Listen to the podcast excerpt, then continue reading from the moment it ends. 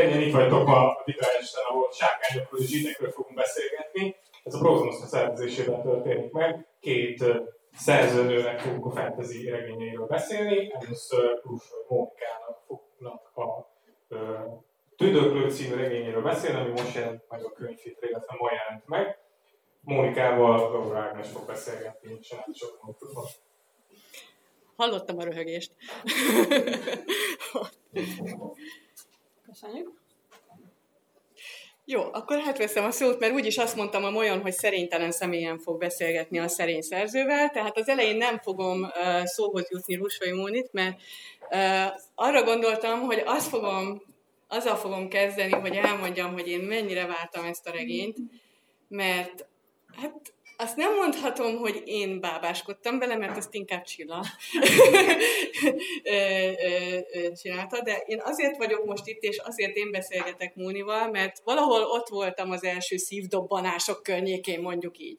Tehát amikor még nem volt regény, de már regényé kezdett formálódni, már volt fejezet, ugye, amit aztán a Fantasztikus Kéziratok éjszakáján bemutatott Móni a zsűrinek, és onnantól kezdve elkezdett igazából íródni ez a regény, azt hiszem, hogy jól fogalmazom.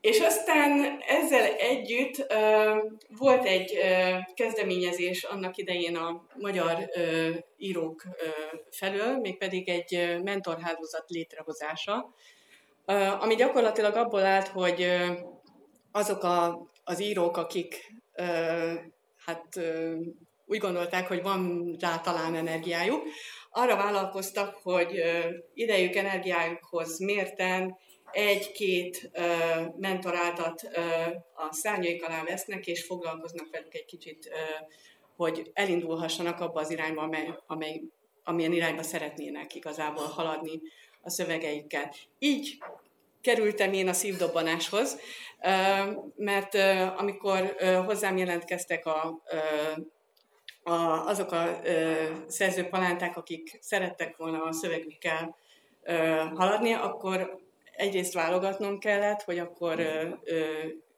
kivel tudnék dolgozni, ki ír olyan szöveget, akivel el tudom képzelni a, a közös munkát, és így kezdődött el tulajdonképpen a, az a regényre, amiben én nem folytam bele, mert természetesen regényt soha nem a mentor ír, hanem lelkitámaszt nyújt, meg rugdos, meg, meg szarkasztikus kommenteket ír, aminek a következő... Igen, nagyon jó, tehát a szarkasztikus kommentek azok kis túlzással egy életen át el fognak kísérni, legalábbis nagyon emlékszem arra, hogy a bizonyos jelenetnek a hárommal ezelőtti verziójához Ágnes mit írt nekem oda kommentként, és szerintem még akkor is meg fogom mosolyogni, amikor majd a könyvben előkeresem, hogy mi lett belőle.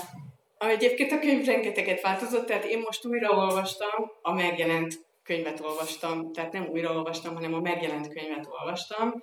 Korábban teljesen mást olvastam. Persze a történetet felismertem, de, de annyira örültem, hogy egy komplexebb és, és tényleg olyan első regény lett ebből, amit, amit örömmel lehet ajánlani. Úgyhogy amikor elkezdtem uh, Mónival ezen a szövegen egy kicsit uh, dolgozgatni, akkor az első gondolatom az az volt, hogy milyen, uh, milyen kontextusban lehet ezt a szöveget kezelni.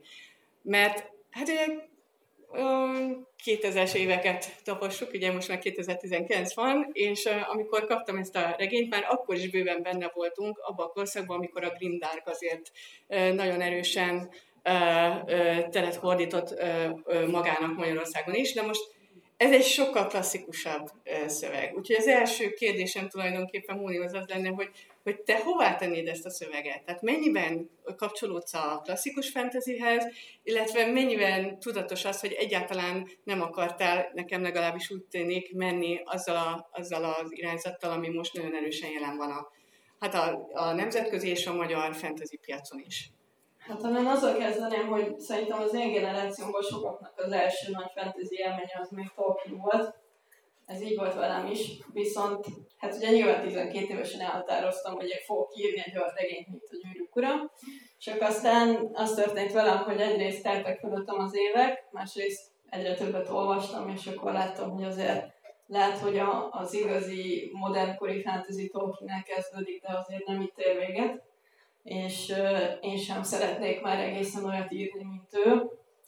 Igazából szerintem számomra a, a tündöklő kezdete az a felnőtté válással ér össze olyan szempontból, hogy, hogy rájöttem arra, hogy azok az értékek, amelyek például Tolkiennel, vagy az ilyen abszolút uh, hagyományos fantasyben megingathatatlanok, azok azért a valóságban, a körülöttünk lévő világban nem így működnek. És én azon kezdtem el gondolkodni ennek kapcsán, hogy hogyan lehetne olyan fantasy írni, ami olyan módon reflektál a mi világunkra, hogy a világnak ezt az összetettségét megmutatja, tehát hogy a, a jó és a rossz nem két pólusban létezik, hanem tényleg minden uh, relatív a karakterek szintjén, a történet szintjén, az erőviszonyok szintjén. Tehát amit uh, én a tündöklőben megpróbáltam véghez vinni, az tulajdonképpen az, hogy, hogy elmozdultam a, a Tolkieni fantasy-től egy olyan irányba, ami bizonyos értelemben tartok Grimdark felé, hiszen én is próbáltam szürkíteni a karaktereket, árnyaltabbá tenni a világot. Egyáltalán nincs egy ilyen, egy ilyen teljesen rossz ellentétes erő, ami ellen küzdenének, illetve eleinte úgy tűnik, hogy van, de aztán, aztán kiderül, hogy azért minden összetettebb és árnyaltabb. Ugyanakkor nem szerettem volna elmenni a Grimdarkig, mert én egy kicsit úgy gondolom, hogy a, a Grimdark, vannak nagyon jó Grimdark szövegek, de hogy az utóbbi időben azért születtek olyan könyvek, amik meg már talán a másik véglet felé, tehát hogy amikor már e, tényleg térdig gázolunk a kiontott belekbe, akkor az pontosan ugyanúgy nem fejt ki hatást, vagy inkább komikus hatást kelt, mint amikor a klasszikus fantasyben már annyira pátoszos a, a hősünk, meg az egész cselekmény, amiket ő véghez visz, hogy az is már szinte nevetségesség teret súrolja, tehát hogy én valahogy megpróbáltam a kettő között maradni. Igen, azt hiszem, hogy a, a Tolkieni hatás egyébként nagyon érezhető ezzel együtt a, a szövegen, de pontosan így, hogy, hogy módosulásokkal. Tehát például ugye Tolkien tól számítjuk tulajdonképpen ugye a, a klasszikus fantasy struktúrának a, a, a, a részét, amit számon tartunk, és ő mondta azt ugye, hogy, hogy kell ez a jó fordulat a végén, ugye ez a you catastrophe, amit ö, ö, ö, sugal.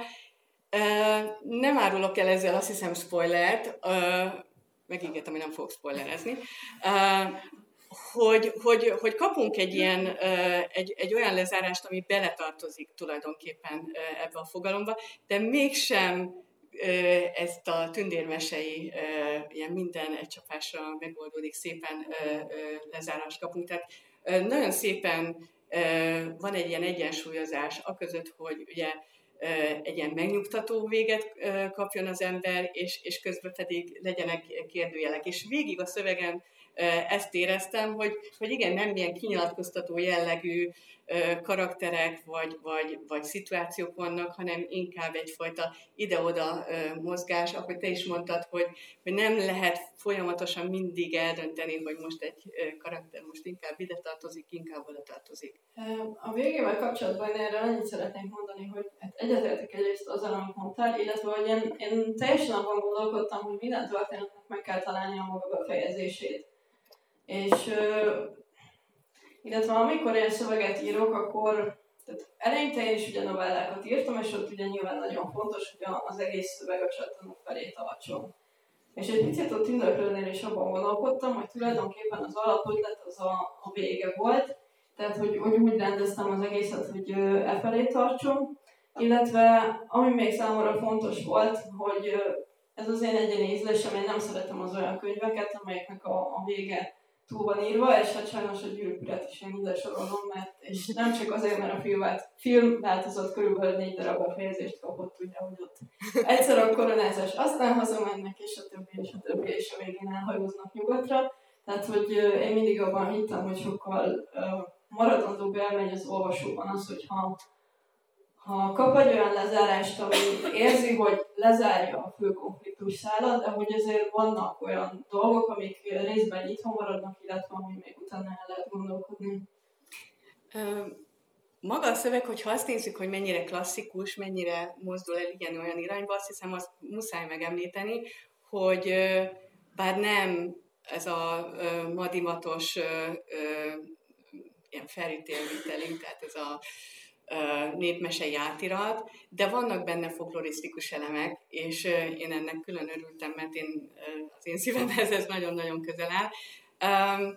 Egyrészt azt hiszem, azzal sem árulok egy spoilert, hogy vannak, van benne sárkány, és van benne sárkánykíjó, az utóbbi az több számban, sárkány csak egy van.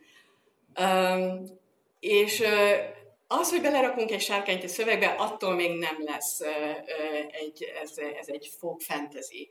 De az, amilyen asszociációk épülnek köré, ahogyan egy, egy mítoszba ágyazódik ezeknek a lényeknek a, a, a jelensége, az elég erősen gyökerezik. Én felismerni véltem a magyar sárkány mitoszt mögötte. Nem tudom, hogy ez mennyire helytálló. Igen, ez abszolút helytálló. Egyébként egy kicsit beszélnék a, sárkány kigyókról és a sárkányról. A sárkány kigyók a regényben olyan lények, amelyek más lények, tehát különféle hüllők eltudzulásából jönnek létre, és ez egyébként benne van a magyar folklórban, tehát hogy az a sárkány kígyó, ami nem a népmesség sárkány, tehát nem a fehér lófia, beli többfejű sárkányokról beszélünk, hanem az a sárkánykígyó, ami a magyar folklórban a karabonciás lova például, az úgy jön létre, hogy e, mocsarakba vagy barlangokba, újba valamilyen hüllő e, eltorzul, e, és a, tehát tulajdonképpen ez a magyar folklórból van, és a, a másik sárkány, hát a más a sárkányról, ami ugye a regényben a nagybetű sárkány, nem igazán szeretnék hosszan beszélni, mert akkor egyszer csak én is spoilerekbe bocsátkozom, de ugye ez a sárkány pedig a, a vihar képében érkező sárkány, és hát ugye ez is a, a magyar folklórban is szintén megjelenik. Éppen ezért ez most egy kicsit kiszólás lesz, de csöppet izgulok azért, hogy a könyvhéten esni fog -e majd az első, ugyanis a könyvben nagyon fontos szerepet tölt a vihar. Uh, még a folklorisztikus elemekre. Figyelj, ez teljesen jó promóciós dolog lesz. Tehát akár jön az első, tehát akkor megmondod, hogy ez, ez, ez azért volt, és kész vihar. Egyébként mindig van vihar mostanában a könyvhéten, úgyhogy lehet, lehet készülni. Igen.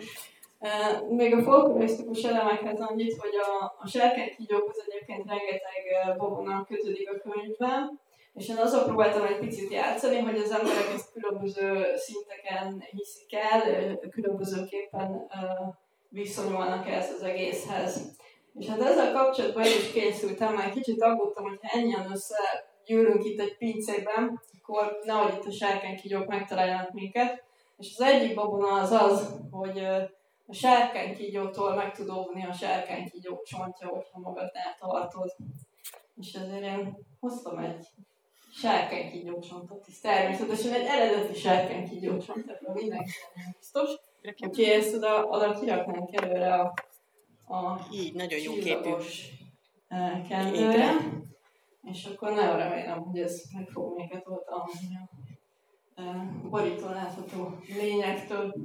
Egyébként az közhely tulajdonképpen, hogy amikor az ember regényt ír, akkor egy csomó kutatást végez. Tehát, hogy uh, tulajdonképpen nem mondom, hogy mindenféle regényhez, de azért uh, szerintem a fantasy szerzőkre azért eléggé jellemző. Na most nálad ez talán mondhatjuk, hogy duplán így van, mert az egy dolog, hogy írtál egy fantasy regényt, de most nem tudom, hogy ez helyes azt mondani, hogy civilben, mert hát most már te civilben is regényíró vagy, de, de a másik civil éned, az, az kifejezetten... Igen, fennmaradó idődben, ami, ami a nagyobb abban, abban tényleg kénytelen vagy komoly kutatást végezni, mert hogy te ténylegesen foglalkozol azzal, hogy mivel foglalkozol? Tehát szörnyelmélettel foglalkozol, ha jól tudom. Sokféle. Tehát fantasy kutatással. Igazából kortás fantasyvel foglalkozom. A szörnyelmélet az most nem annyira el középpontban, de ugye egyébként a, a tündörlőnek a, az alapötlete az még akkor született, amikor a mesterképzésen írtam a szakdolgozatomat az európai különféle sárkány alakokból, és akkor itt ugye elég sokféle sárkány ábrázolással találkoztam, illetve hát az volt a fókusz ebben a dolgozatomnak, hogy a, a sárkány az mennyi, tehát milyen sokféle megjelenési formája van, és hogy mennyi mindent tud kifejezni a különféle szövegekben, vagy hiedelmekben. Amivel most foglalkozom, az egy kicsit más, bár igazából már a regény szövegében is uh, vannak ebből az irányba elmozdulások. Most uh, Robert Falstocknak a, a Mitergo ciklusával foglalkozom, uh, ezt pedig a, a Plant Studies uh, elméleti keretében vizsgálom, ami ugye egy növénytani megközelítés a kultúrának és az irodalomnak. És hát a, a regényben a kígyók nagyon sokszor ilyen növényi motivumokkal kapcsolódnak össze, tehát hogy így a gondolati szinten már nálam ez akkor is meg volt, amikor ezen dolgoztam. Illetve, hát ugye, aki olvasta a Gabó antológiában megjelent novellámat, ugye ott is egy égig érő fa áll a középpontjában, ami hát egy tündér által létrehozott fa, tehát ott is ez a természet és növény vonal már megjelent. Igen, amivel te kutatási szinten foglalkozol, az a, a, a növényzet horror része is tulajdonképpen. Én azt éreztem ebben a regényben, hogy általában viszont a természet itt inkább, inkább megnyugtató, és pedig jön a vihar, tehát a vihar, ha jön, és ott vagyunk az erdőben, az egy nagyon riasztó dolog, de legtöbbször a, a természet természettel együtt élés, a természetben elveszés pozitív oldala mutatkozik meg. És tulajdonképpen nagyon sokféleképpen jelenik ez meg, akár úgy, hogy bemegyünk az erdőbe, és látjuk, szagoljuk, és, és, és megyünk rajta keresztül, de talán a legfontosabb része az a, az a fókusz karakter, Ertol, aki hol megy erdőbe, hol nem, de ő állandóan természet közel létet tud megvalósítani, mert hogy ugye ő egy lovász fiú, és akkor is lovász fiú, amikor éppen nincsen lova, tehát úgy gondolkodik, mintha mindig ott lenne egy ló mellette szerintem, tehát hogy mindent igen, úgy, kép, úgy képez le, és, és, és, és úgy fordít le magában, ahogy ezt elvárom. Én egy lovászfiútól, bár soha életemben nem találkoztam egy lovászfiúval sem, de, de azt hiszem, hogy lehet érteni, hogy mire gondolok. Tehát az csak egy dolog, hogy, hogy magát a, a természetet hogyan írja le a, a, a szerző, és ez egy másik szint, amikor ténylegesen látjuk egy karakternek a gondolataiban visszaköszönni azt a természetközeliséget, és azt gondolom, hogy ez az egyik nagyon nagy erősség a regénynek egyszerűen olyan apróságokban jönnek elő ezek a kötelékek, ha jól tudom, ezért ezek egy része személyes élményekből fakad.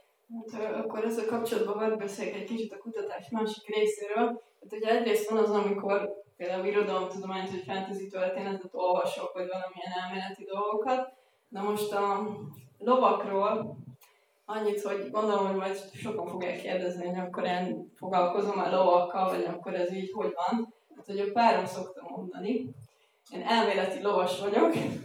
Ez azt jelenti, hogy nagyon foglalkoztatna az, hogy, hogy hogyan kell lovakkal foglalkozni, meg, meg nagyon szeretném, csak soha nem fér bele az időmbe és a, az energiáimba, hogy ilyen lovakkal foglalkozzam, viszont mivel nagyon érdekel ez a téma, rengeteget foglalkoztam ezzel. Tehát, hogy például azok a, a dolgok, amiket uh, átol művel a lovakkal, tehát hogy uh, tehát a lókiképzés, stb. ezekről én rengeteg videót végignéztem, olvastam szakkönyveket, tehát foglalkoztam ezzel, meg azért ilyen lovas bemutatokra el szoktam menni, ami, ami így érdekel, és hát mondjuk az nagyon érdekes volt, hogy a, tehát a lovas iskolának a, a lépései, ezeknek általában ugye francia neve van, illetve a regényben egy helyen szerepel, amikor az Ertó spanyol lépést tanít a lovának, és akkor így ott, ott egy pillanatra elgondolkodtam, hogy jó, de ez egy teljesen másodlagos világban játszódó fantasy, ahol nem hívhatják spanyol lépésnek a spanyol lépést.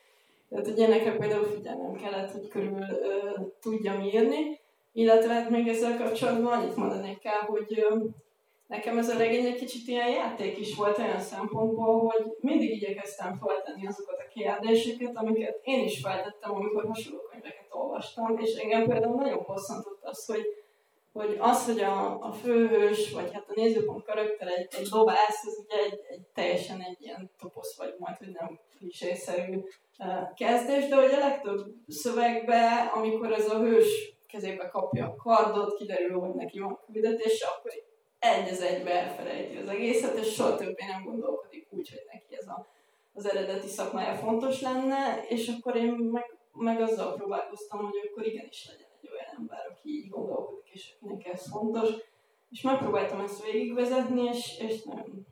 Tehát, hogy megtaláltam ebben a lehetőségeket, úgy gondolom. Legalábbis remélem. Hát szerintem abszolút. Nagyon jól működik az a, az, a, az a koncepció, hogy ugye van Eltol, a, a lovász, aki, aki fókusz karakter, de tulajdonképpen nem mondhatjuk, hogy egy az egyben ő a regénynek a, a főszereplője. Tehát ez is egy nagyon érdekes dolog, hogy itt azért nagyon sok karakterről tudunk meg Uh, tulajdonképpen eleget ahhoz, hogy úgy lássuk, hogy több karakternek van végigvezetve a, a, a történet íve, tehát nem csak ilyen epizódikusan ö, ö, felbukkannak Ertol életében. Ö, és mivel az egyik ilyen karakter egy herceg, és ugye akkor már is tudjuk, hogy egy birodalomban vagyunk, Uh, így tulajdonképpen van egy személyes életút uh, Ertolnál, van személyes életút számos karakternél, így a hercegnél is, ugye kiderül az, hogy mi a múltja, mi a küldetése, minek kellene ideális esetben teljesülnie, de van egy, egy, egy másik történetív is, ami nem egy karakterhez kapcsolódik, hanem egy birodalomhoz, egy, egy, egy, egy kollektívához. Nekem ez a része nagyon érdekes volt, mert, mert általában vagy az egyikre fókuszál egy történet, vagy a másikra. Persze van olyan, amikor, amikor tényleg ugye elválaszthatatlan, de azért mégiscsak ö, ö, egyértelmű, hogy hol a ö, fókusz. És itt annyira ugye össze van kapcsolódva ö, nem csak a herceg sorsával a birodalom sorsa, mert hát az végül is egy klasszikus fantasy toposz, nem? Tehát amikor ö, ö, van valaki, akinek jogos igénye van a, a, a trónra, hát hogyha szépen végig megy a, a, a saját maga történeti állomásain, akkor, akkor az bizony jelent mindig valamit a birodalom szemszögéből is. De ott van Ertol egy, egy, egy gyerek, és, és egyrészt nem tűnik egy nagyon fontos karakternek, és mégis mindig hozzá tud tenni valamit, éppen azért, mert hogy nem ő van teljesen pozícióban, és aztán látunk még más karakternél is ilyen ö, ö, lehetőségeket. Tehát tulajdonképpen nagyon sokan formálják azt, hogy mi fog történni a birodalommal, mi fog történni az országgal, és így nem csak ez a klasszikus toposz van, hogy ami történik a herceggel, azt látjuk ugye a, a birodalom sorsában is tükröződni, hanem az, hogy ezt egy, ezt egy kollektíva formája. Az, hogy hogyan gondolkodunk a birodalomról, az, hogy mit tudunk tenni érte, az nem csak egy hősön múlik. Hát ezzel kapcsolatban talán kicsit beszélnek a regénynek a struktúrájáról, mert szerintem az az, ami mm, ezt a hatást kiváltja, vagy legalábbis részben az. Én próbáltam, tehát egyrészt tényleg van egy ilyen kettőség a regényben, hogy van a, a fiatal nézőpont karakterünk, illetve a hercegnek, tehát ez a két fő karakteri, én úgy gondolom. Viszont a kettőnek a kapcsolata abból is adódik, hogy a, a kettőjüknek a története, tehát ami a herceggel történt a múltba, és ami a, a regény cselekmény idejében történik a, a fiatalabb főhőssel, ezek nagyon sok ponton reflektálnak egymásra, és egy idő után azt látjuk, hogy hasonló történetek ismétlődnek a különböző szereplők életében, és ezek egymással különböző motivumokon vagy cselekmény elemeken keresztül kapcsolódnak egymáshoz és én úgy gondolom, hogy ez az, amivel ezt a hatást el lehet tehát remélem érni, illetve mm, még ez annyit tennék hozzá, hogy ezeket az elemeket mindig próbáltam keverni ezekkel a folklór elemekkel, illetve hogy ezekkel a legendákkal, tehát azzal, hogy, hogy ez a nép hogyan értelmezi a fölötte lévő világot, honnan származtatja magát, és ehhez képest mi az igazság, hogy van egyáltalán.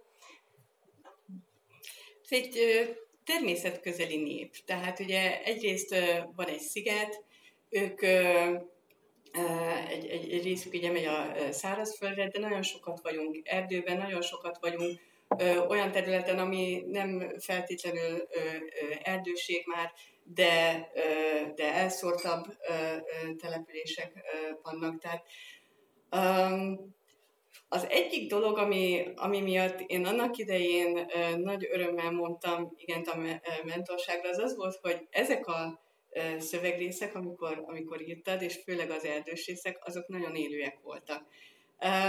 De természetjáró ember vagy, ugye? Ugye? Kicsit elkérdeztem. De... Igen, ez, ez hívek alá kérdezésnek, amit szintén Gaur Ágnesre tanultam meg a mentorkodás idején, hát akkor van ugyanis Ától nagyon-nagyon szeretett alákérdezni több szereplőnek, hogy információkat tudjon meg tőle. Na, szóval... Már nem csinálja. um, igen, én nagyon sokat járok a természetben, hát ugye most Piriseben élnek, és ráadásul egy erdőhöz közeli utcában, tehát azért elég gyakran vagyok kint a természetben. Um, gyerekkoromban pedig tájfutottam, tehát így az erdő az eleve nem általában volt.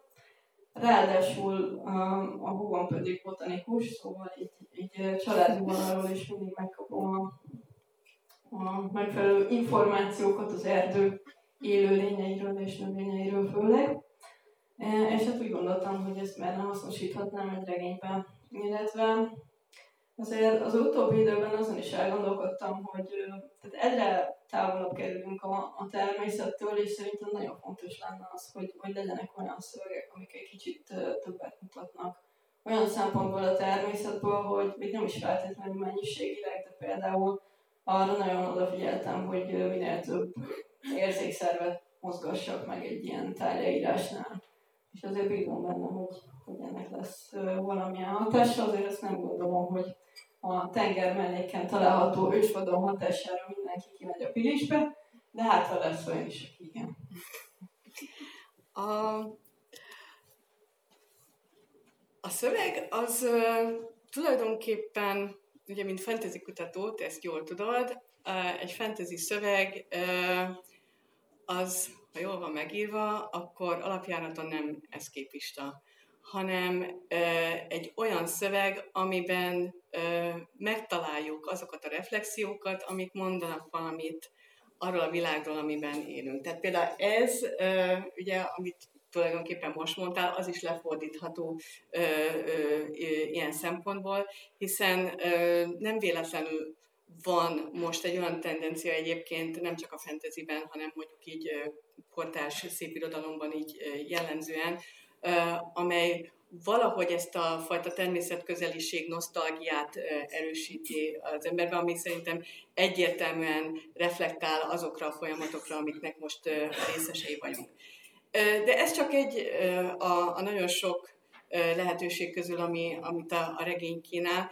Amikor például ugye szörny jelenik meg a regényben, ugye foglalkoztál ö, ö, szörnyekkel ilyen szempontból is. A szörny is az, hogy, hogy milyen típusú szörny, hogy hogyan szerepel, milyen ö, módon jelenik meg egy szövegben, az is nagyon sokat tud elárulni arról, hogy nem csak magában a szövegben mit jelent az a szörny, mondjuk metaforikusan, hanem annál egy kicsit többet, hogy, hogy, hogy mit mond el arról a kulturális momentumról, amiben, amiben éppen vagyunk. Úgyhogy én felfedezni véltem jó pár olyan dolgot, ami, amiről el tudunk gondolkodni ennek a fenteziknek a kapcsán. Nagyon érdekes, ahogyan, ahogyan a, a, a karakterek nem tudnak szabadulni ugye a múltól, hiszen ez egy trauma történet tulajdonképpen, ami, amit megírsz, és ami, aminek a feloldozásáért küzdenek tulajdonképpen ezek a karakterek. Nem tudom, biztos, hogy, hogy vagy, vagy legalábbis nagyon remélem, hogy, hogy tényleg nem belemagyarázom ezeket a dolgokat, de, de én nagyon látom a, azt a, a fajta kölcsönhatást, ami a szöveg között és a, és a jelenleg elég aktuális problémák között így fellelhetők. Egyszerűen most talán olyan világban élünk, amikor, amikor nagyon fontos arról beszélni, hogy, hogy hogyan határoz meg nem csak egy karaktert a múltja, mert hát ugye azért ez is egy nagyon klasszikus fantasy toposz, de egy teljes kollektívát, egy teljes közösséget, mi, mit csinálunk a hagyományjal? Mi van akkor, hogyha, hogyha a hagyomány busba köt minket? Tudunk-e valamit csinálni? Kell-e bármit is csinálni? Te mit akartál ezzel a szöveggel ilyen szinten talán mutatni? Volt, gondolom, hogy volt valami világos koncepciód, én ezeket mindenféleképpen megtaláltam benne. Hát, úgy látszik, ezeket sikerült átadnom. Hát engedjetek meg, hogy egy, egy pici személyes dolgot akkor itt elmondjak így a múltal kapcsolatban. Hát azt talán nem spoiler, hogy egy kicsit beszélek a regény elejéről, mert ugye az már fent volt a beleolvasóban. Ugye a legelső jelenetben egy ö, idős férfit látunk, aki egy olyan szobában üldögél, ahol a, a múltjából megmentett tárgyak vannak, és ugye úgy derül ki lassan, hogy hogyan vesztette el a palotáját, stb. És nekem ez egy személyes élményem kötődik, ugyanis nekem a szűk nagypapám egy vidéki városban volt főbíró, és a nagyszüleimnél volt jó pár ilyen történik. Szerintem de, bocsánat, pedig le vagyok némi. Uh, szóval, hogy a nagyszüleimnél voltak uh, ilyen régi tárgyak, tehát például volt a falon egy uh, bekeretezett állami oklevél, hogy okszerű lótenyésztéséért. Um, és uh, illetve volt egy családi legenda, hogy a, a háború idején, amikor a, a frontáton volt, akkor a főbíró úr ejtette el a, az oltári szentséget a tanyáján a mennyezetbe. És akkor ezzel most, majd hogyha olvassátok a regényt, akkor már is elárultam valamit. De amikor én gyerekként a, a nagyszüleimnek a nappaliába ültem, és ott voltak ezek a régi tárgyak, akkor, akkor sokat gondolkodtam azon, hogy, hogy mi az, amit a, a múltal elveszítettük, és hogy hogyan tud erre olyas valaki reflektálni, aki soha nem látta azt a világot. Ugye én, én soha nem láttam, hogy az akkor akkor milyen volt, és ugye hát a nagyszüleim sokat meséltek is erről, hogy milyen volt, amikor még hat lovas istálójuk volt, meg lovasszálló jártak be a városba, stb. És igazából e, részben ez az élmény volt a magja annak, hogy e, egy ilyen jelenettel indul a regény, illetve az engem is mindig nagyon foglalkoztatott, hogy hogyan viszonyulunk a, a múltunkhoz, és úgy gondolom, hogy tehát, hogy igazából azért nyúltam a fantasyhez, mert nagyon foglalkoztatott az a kérdés, hogy a múltról hogyan gondolkodunk, de úgy éreztem, hogy ha ezt egy történelmi kontextusba ágyazom, akkor ez nagyon megosztó lenne, mert akkor ugye az emberek nyilván a, a konkrétumokkal foglalkoznak, és nem azzal, hogy, hogy uh, hogyan működik maga ez az érzés, vagy hogyan lehet egy, egy traumát egyéni társadalmi szinten feldolgozni. Illetve a fantasyben ugye az a jó, hogy ott megtehetjük azt, hogy ezeket a traumákat tulajdonképpen materializáljuk. Tehát, hogy a, a sárkánykígyók azok nem csak fizikai fenyegetést jelentenek, hanem a regényben uh, szereplő karakterek uh, a sárkánykígyókhoz kötnek sokféle traumát, és ezek a dolgok így összekapcsolódnak. Amit megpróbáltam elérni, ugye a, a történetnek két fő vonalán, ugye Ártól, mivel ő fiatal, nem látta a régi világot, amit a sárkány elpusztított, tehát ő ugyanabban a szerepben van, mint amikor én ültem a nagyszüleim szobájában, és nézegettem a a tárgyakat, hogy igen, tudom, hogy ez az én múltam is, ezzel kezdenem kéne valamit, de nem tudom, hogy mit és miért.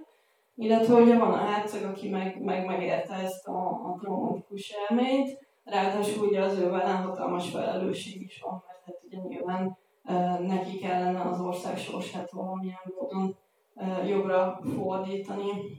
És úgy gondolom, hogy mind társadalmi, mind egyéni szinten vannak olyan jelentek, amik minket is elgondolkodhatnak erről, hiszen azért mi is egy korszakfordulóban élünk, és itt most, hát most tudod módon a saját generációmra gondolok, de én, én egy kicsit azt érzem, hogy ugye én a rendszerváltás környékén születtem, tehát hogy, hogy az a világ, amiről a szüleim mesélnek, ez egy olyan világ, ami, amihez én csak az ő emlékeiken keresztül tudok hozzáférni.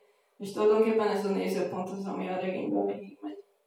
Azért megnyugtatlak az idősebb generáció ugyanezt végigélte, tehát hogy én is úgy nőttem fel, hogy minden vasárnapi ebédnél végighallgattam a családi anekdótákat, és azon túl is, és a azokban az időkben, amikor még megvolt a családnak a boltja, és amikor meg volt még az a lakás, meg amikor... Tehát e, ez azt hiszem, hogy, hogy éppen ö, ö, ez benne a, a, a jó, hogy tulajdonképpen persze te a te generációnak az érzéseit ezt nagyon jól tudod közvetíteni, de azt gondolom, hogy ez valahol minden generációra igaz. Legfeljebb nem annyira nagy hangsúlyal, hiszen igen, azért a rendszerváltás az egy tényleg akkora fordulópont egy közösségnek az életében, hogy, hogy ott, ott tényleg egy olyan szakadék van, amit, amit nagyon nehéz áthidalni csak a, a sztorikkal, csak a, a, a mesélésekkel, tehát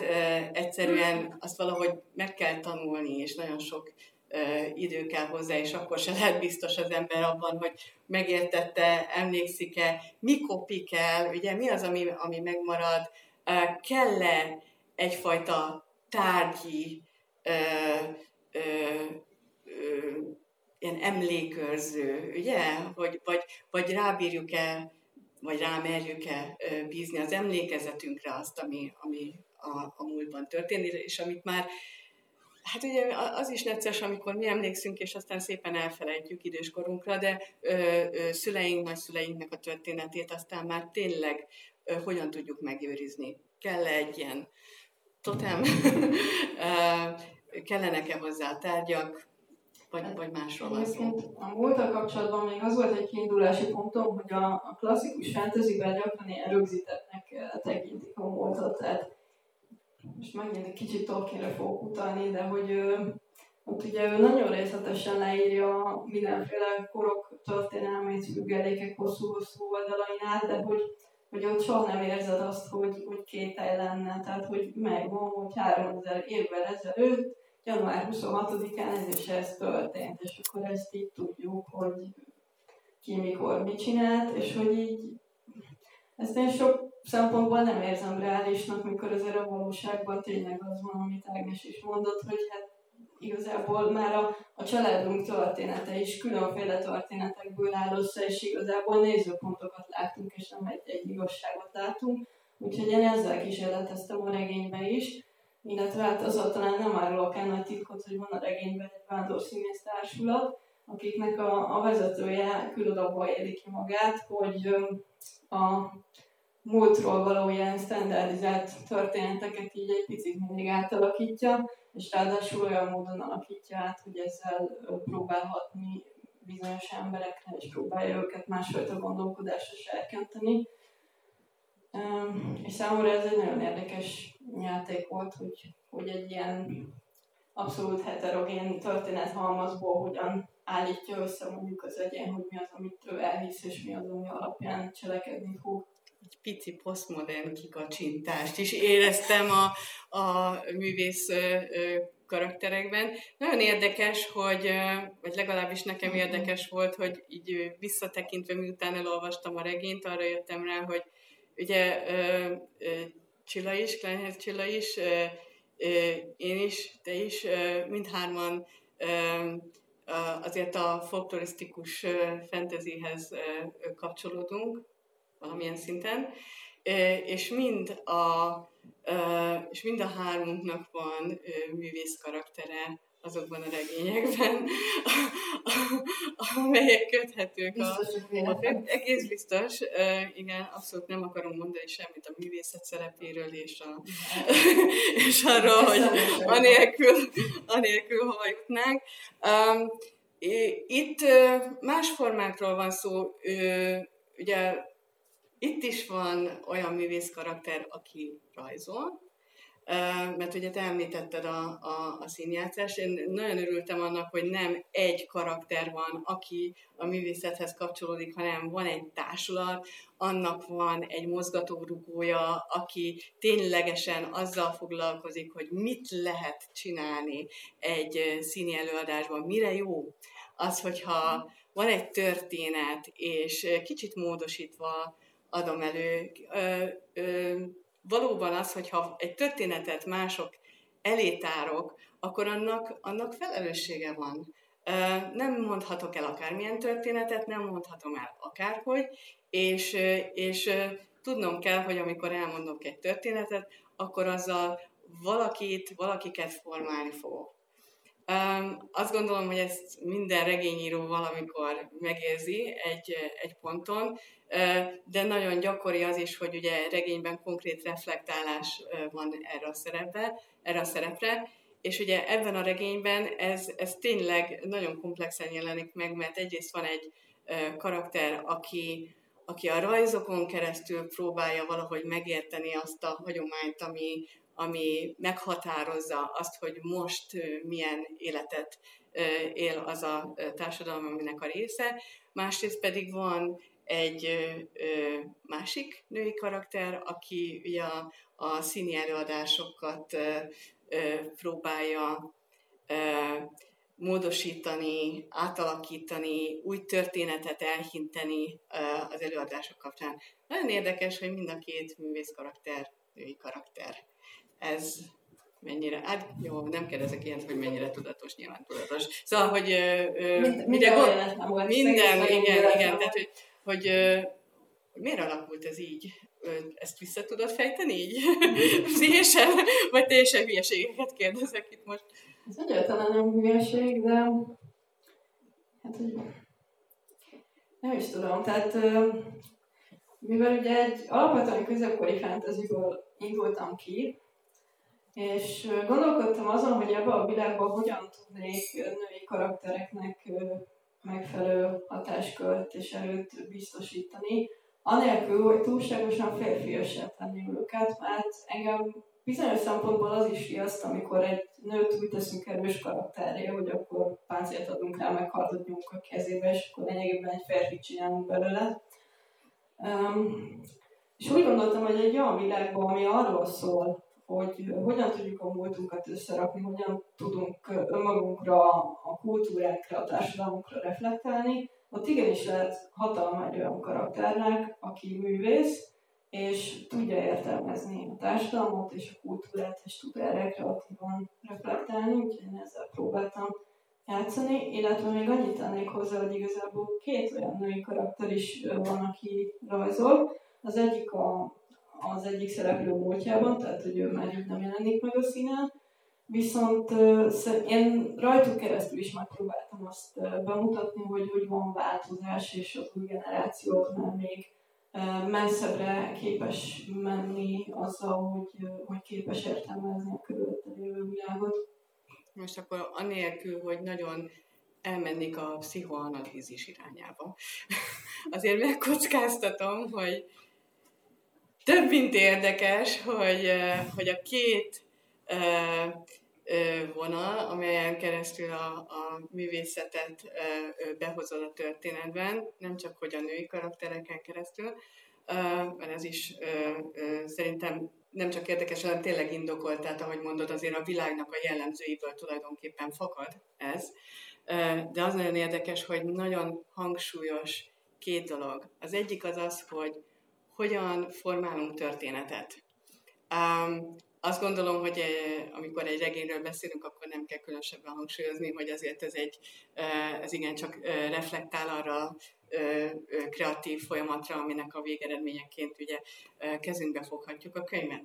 De a másik dolog, és akkor most kikapcsolom ezt, mert megmondták, hogy ha lerakom, akkor ki kell kapcsolni.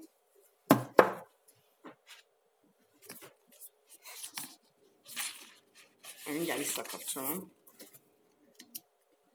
Nem tudom, hogy látszik-e, de vannak belső illusztrációk, ez szerintem nagyon szép, és a szerencsések azok kis illusztrációs lapokat kaptak a, az asztalon, és ez mind a Móninak a munkája. Uh, tehát, hogy van az a vonal is. Véletlen. Az is véletlen, abszolút. Uh, mennyire volt ez tudatos mond? Uh, mm. szóval, uh, szóval van egy másik irány, ami, ami uh, egyenragú pozícióban hozza ugye a, a másik művészeti irányt, a rajzolást, tehát, hogy, hogy, uh, hogy tulajdonképpen az írás, a történetmesélés és a rajzokon keresztül, tehát egy másik művészeti irányon keresztül és egyszerűen legitim az, hogy megismerjük, és közelebb kerülünk ahhoz, hogy megoldjunk egy problémát. És, és az, hogy különféle módon el lehet indulni, és mindegyik esetben tulajdonképpen arról van szó, hogy, hogy a művészet az nem a dekorációról, és, a, és egyszerűen az illusztráció, ugye azt mondtam, hogy belső illusztráció, de ez nem azt jelenti, hogy egy kis belcsecse van a, a regénynek, hanem, hanem van ott valami, ami egyszerűen, hogyha, hogyha így indulunk neki a történetnek, akkor egy ponton, a történet egyik pontján értelmet nyer. Egy picit, mint hogyha így a graphic novel összehozható lenne. Tehát, hogy nem egyszerűen csak oda van rajzolva egy, egy madár. Az, hogy madarak vannak ott szétreptetve az asztaloknál, annak remélem, hogy mindenki számára lesz egy, egy, egy jelentősége, amikor ahhoz a részhez ér a, a regényben. Mert ugye vannak lélekmadarak, nagyon-nagyon sokféle dolog van. Nem tudom, hogy melyik az a pont, amin átvettem a szót. Oké, okay, hát most teljesen véletlenek rajzok, meg minden. Szóval természetesen, amikor elkezdtem írni a regényt, akkor egyrészt nem tudtam még, hogy meg fog majd egyszer jelenni, másrészt nem tudtam azt sem, hogy a jó fel lesz a kiadó, hogy engedni fog egy benne, és értékelni fog egy rajzaimat.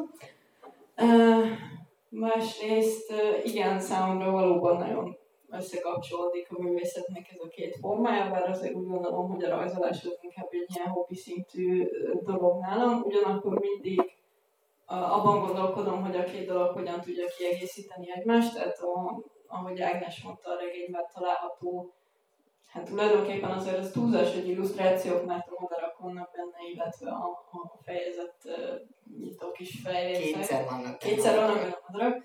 Tehát, hogy majd amikor jó a regényt, um, így fokozatosan fog értelmet nyerni azt, Sárkánykígyó is van benne. Hogy mik ezek a madarak, és miért pont olyan madarak, és hogy mi történik ott. A lélek madarakról pedig annyit, hogy hát azzal talán nem árulok el nagy titkot itt a csillagos, csillagpalást láttam, hogy ugye tenger melléken abban hisznek az emberek, hogy ugye a, a csillagok azok az istenek, akik felmentek az égbe, és itt hagyták a földön az embereket, és azért ők abban hisznek, hogy a haláluk után a madár lélek, tehát a lélek madárra válik. Hát igazából ez is abszolút folklór, sőt az ami a folklórban is megjelenik.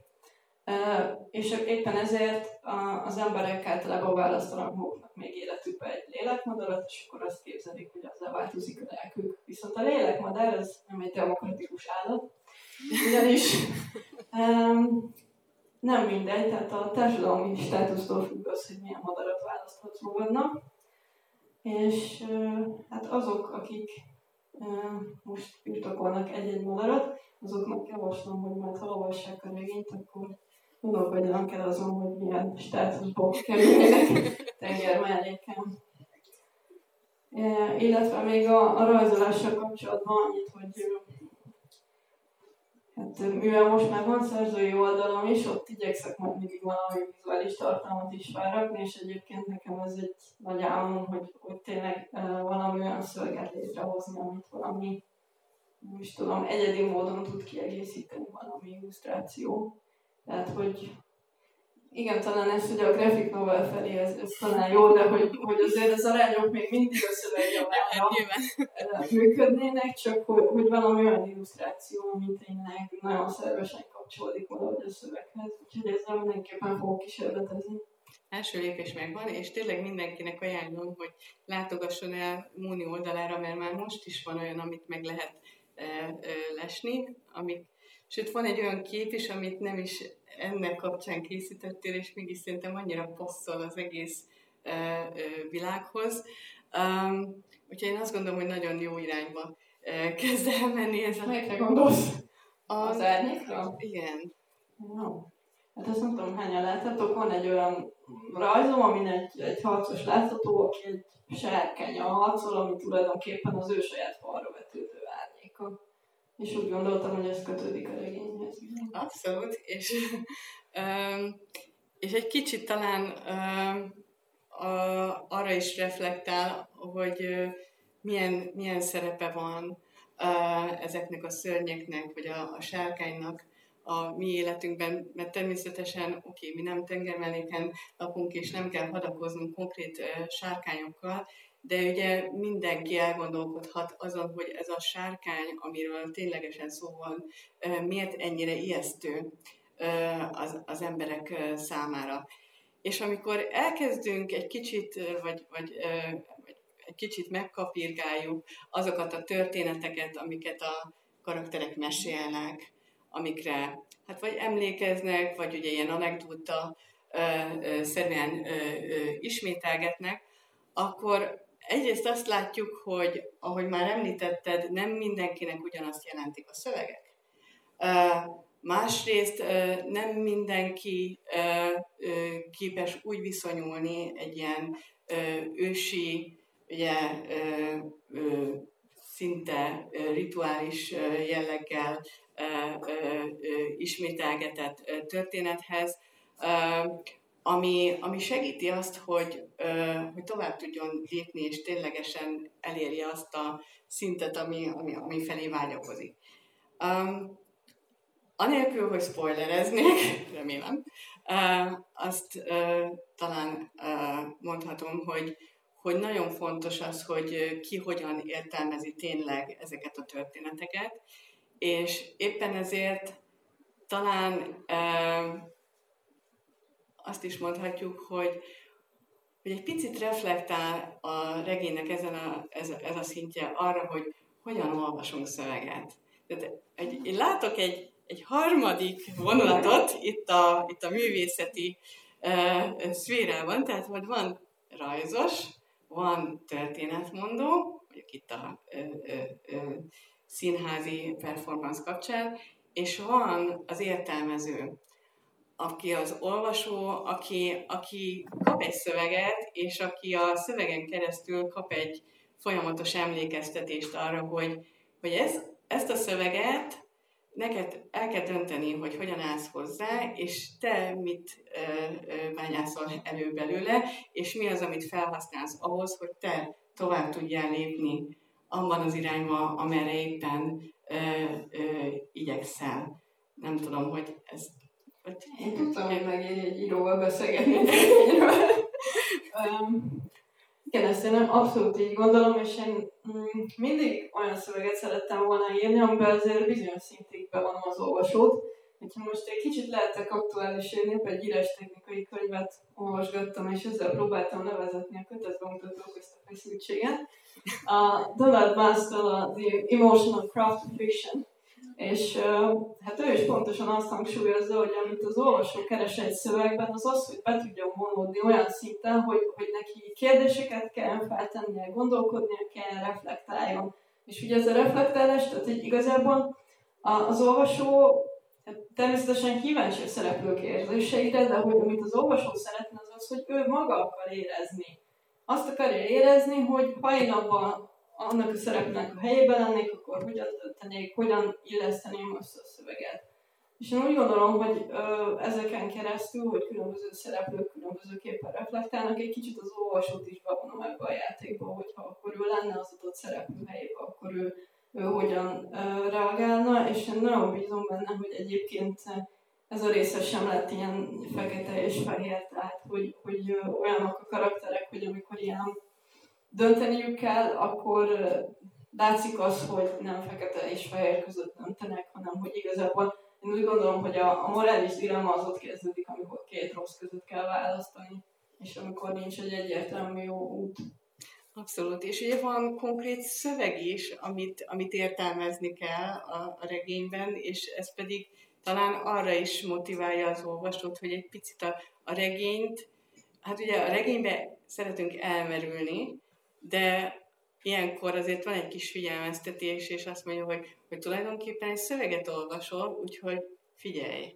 Mert olvashatod ezt úgy, mint egy ilyen uh, klasszikus, kardos, sárkányos uh, uh, cuccot, de nézd meg a történeteket, és nézd meg, hogy melyik karakter mit talál meg benne, és, és vannak szintje, és ezeket a szintjeket próbáltuk most egy kicsit azért kapirgáltatni, és most, hogy már így a, arról is volt szó, hogy ugye az olvasókat be lehet vonni a szövegbe, én most ezen a ponton szeretnék kinyitni egy kicsit a, a, az olvasók felé, és, és megkérdezni, hogy, hogy van-e valakinek kérdése vagy kommentje az elhangzottakkal kapcsolatban.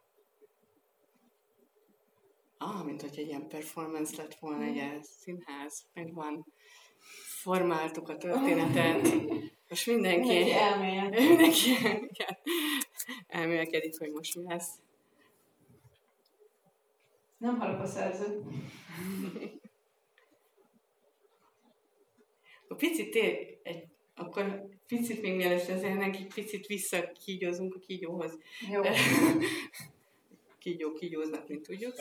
Uh, én csak arra pontra szeretnék egy picit visszatérni, amikor, uh, amikor arról volt szó, ezt uh, mondtad, hogy a kígyók ugye nagyon sokféle asszociációt keltenek magukban a karakterekben is, tehát ez is mutatja azt, hogy nem fogom nem, elmondani az asszociációimat. A, Nem, nem oda akartam ki lyukadni, de most már mindegy. most már elindultunk. Nem, igazából csak arra akartam egy picit visszakanyarodni, hogy, hogy nem csak asszociációkat kelt a, a, a kígyó, nem csak különféle, hát mondjuk leginkább félelmet kelt leginkább a, a, a karakterekben, de nem csak ez, nem, ez az, nem csak ez az érzelem dominál, hanem egyfajta, ugye van a félelem és van az ijedelem. És és van egyfajta ö, olyan pillanat néha a karakterek számára, amikor, amikor egyszerűen van egyfajta ö, közösség érzés a szörnyekkel ö, együtt. A szörny az mindig figyelmeztet, tehát a, a szörny az ijesztő, a szörnytől tartani kell, a szörny az, az, az nagyon sok rosszat hoz, például a vihar, például egy csomó halált, vért, kardozást és a többi. De vannak olyan pillanatok, amikor egyszerűen kénytelen a karakter azt látni, hogy, hogy csak úgy, ahogy ezek a sárkánykígyok ugye torzulva létrejönnek, a karakter is megy, mivel hogy a, a karakter a, a, ezek a karakternek a sorsa összefonódott ezekkel a fura lényekkel, és bizony maguk a karakterek is egyfajta, hát nem szörnyekké, de néha ilyen szörnyűségesé tudnak válni. Jó, most ez egy nagyon nehéz kérdés, mert erről nem nehéz spoilerek nélkül beszélnem szerintem, de, de talán egy kicsit térjük vissza megint a folklórhoz. Ugye egyrészt a kígyó, tehát hogyha felütitek otthon a középkori bestiáriumot, amit nem fogtok megtenni, mert nekem sincsen sajnos, de a bestiáriumok úgy rajzolják le a, az embert és a különféle állatokat, hogy így elképzelik azt, hogy mi az, ami közel áll az emberhez. Tehát például a házi állatok, hogyha felrajzolnak egy ilyen skálát, akkor itt az ember, utána jön mondjuk a tehén, a kutya, nem tudom. Utána jönnek a vadállatok, és ugye hát nyilván egyrészt ugye ilyen egyházi alapon is a kígyó az a skála végén van, mert ugye az ennek távolabb az embertől, meg különben is az az ördög, és miatta van az egész szörnyűség, hogy itt kell élnünk a földön.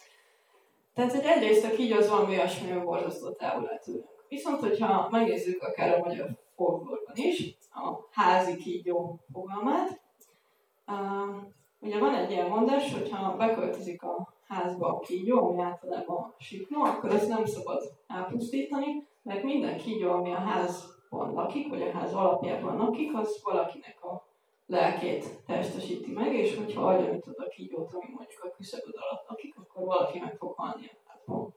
Tehát, hogy tulajdonképpen a folklórban a kígyó az ugyanúgy állat, mint a madár, és ez azért érdekes, mert, mert egy olyan állat, ami úgymond fizikai formájában rettentesen távol áll az embertől, egyszerre mégis közel tud lenni. És hát az a baj, hogy most igazából nem nagyon merek konkrét példát arra hozni, hogy, hogy hogyan jelenik meg a, a kígyók eltorzulása bizonyos karaktereknél, de hogy igen, az szándékos volt, hogy, hogy legyen egy ilyen párhuzam. Illetve hát ugye azzal próbáltam eljátszani, hogy, hogy ahogy a borítón is látszik, hogy ez a kígyók egyre inkább eltorzulnak, és ahogy haladunk a regény vége felé, egyre szörnyűségesebben néznek ki. Viszont a karaktereknél meg nyilván egy, egy belső torzulásról, tehát egy lelki torzulásról beszélünk, amit ugye a végeredményben a, a múltbeli traumák idéznek elő. Így van. Uh, úgyhogy mondjuk is, uh, mert hogy a, a borítót kirajzoltad, Én a reklám helye. A gyönyörű borító más akire terveztem, és hát nem tudom, szerintem igen szép lett. Uh, és nagyon örülök, hogy, hogy elvállalta ezt a feladatot végül is. Uh, nekem különösen azt tetszik, azon kívül, hogy tényleg így jól látszik rajta ez a torzulás, hogy, egyszerűen bele tudod vinni egy ilyen dinamikát ebbe az egész képbe. Tehát, hogy így annak ellenére, hogy tényleg egy ilyen abszolút semleges fehér háttérem van, hogy olyan, mint hogy mozdulna, és Na, akkor a borítóval, belső illusztrációkkal és a szöveg rétegeivel remélem mindenkit meggyőztünk arról, hogy ezt a fantasy érdemes olvasni. Én nagyon élveztem, és köszönöm a beszélgetést. Én is köszönöm szépen a szuper kérdéseket. De, de akkor még most még, még, még, még megkérdezem, hogy, akar, hogy valaki azóta gondolkodott-e azon, hogy... És igen, éreztem. Nem kapott senki kígyót, mint a világállatot. nem, most csak gondolatot hoztam. A második meg az, hogy elég sok így konkrét kérdés érkezett arra, hogy, hogy mennyiben volt, vagy hogy tudatos volt-e ez, az meg az, és hogy én néha úgy érzem, hogy, hogy vannak ötletek, amik csak így jönnek. És hogy tényleg nálad így mennyire volt a regény az írás folyamán a tudatosságot, meg mennyiben volt az, hogy, hogy valami csak jött, és rájárszol, hogy ez kell. Én rettenetesen sokat vázlatok. Tehát, hogy, hogy általában írni már akkor tudok, amikor így nagyon tisztán megvan az, hogy merre megyünk, és hol megyünk, és mondom tényleg, tehát nekem a vége volt meg az elején, és akkor uh, abba az irányba haladtam. De természetesen vannak olyan dolgok, amik, amik közbe jönnek, de, de azok inkább ilyen apróságok. Tehát, hogy például ráérzek arra, hogy akkor uh, itt ezt a motivumot még ezzel össze lehetne kötni, vagy egy kicsit lehetne árnyalni, hogy esetleg azon még jobban elgondolkodok, hogy az a karakter az adott helyzetben hogyan érez, hogy mire reflektál.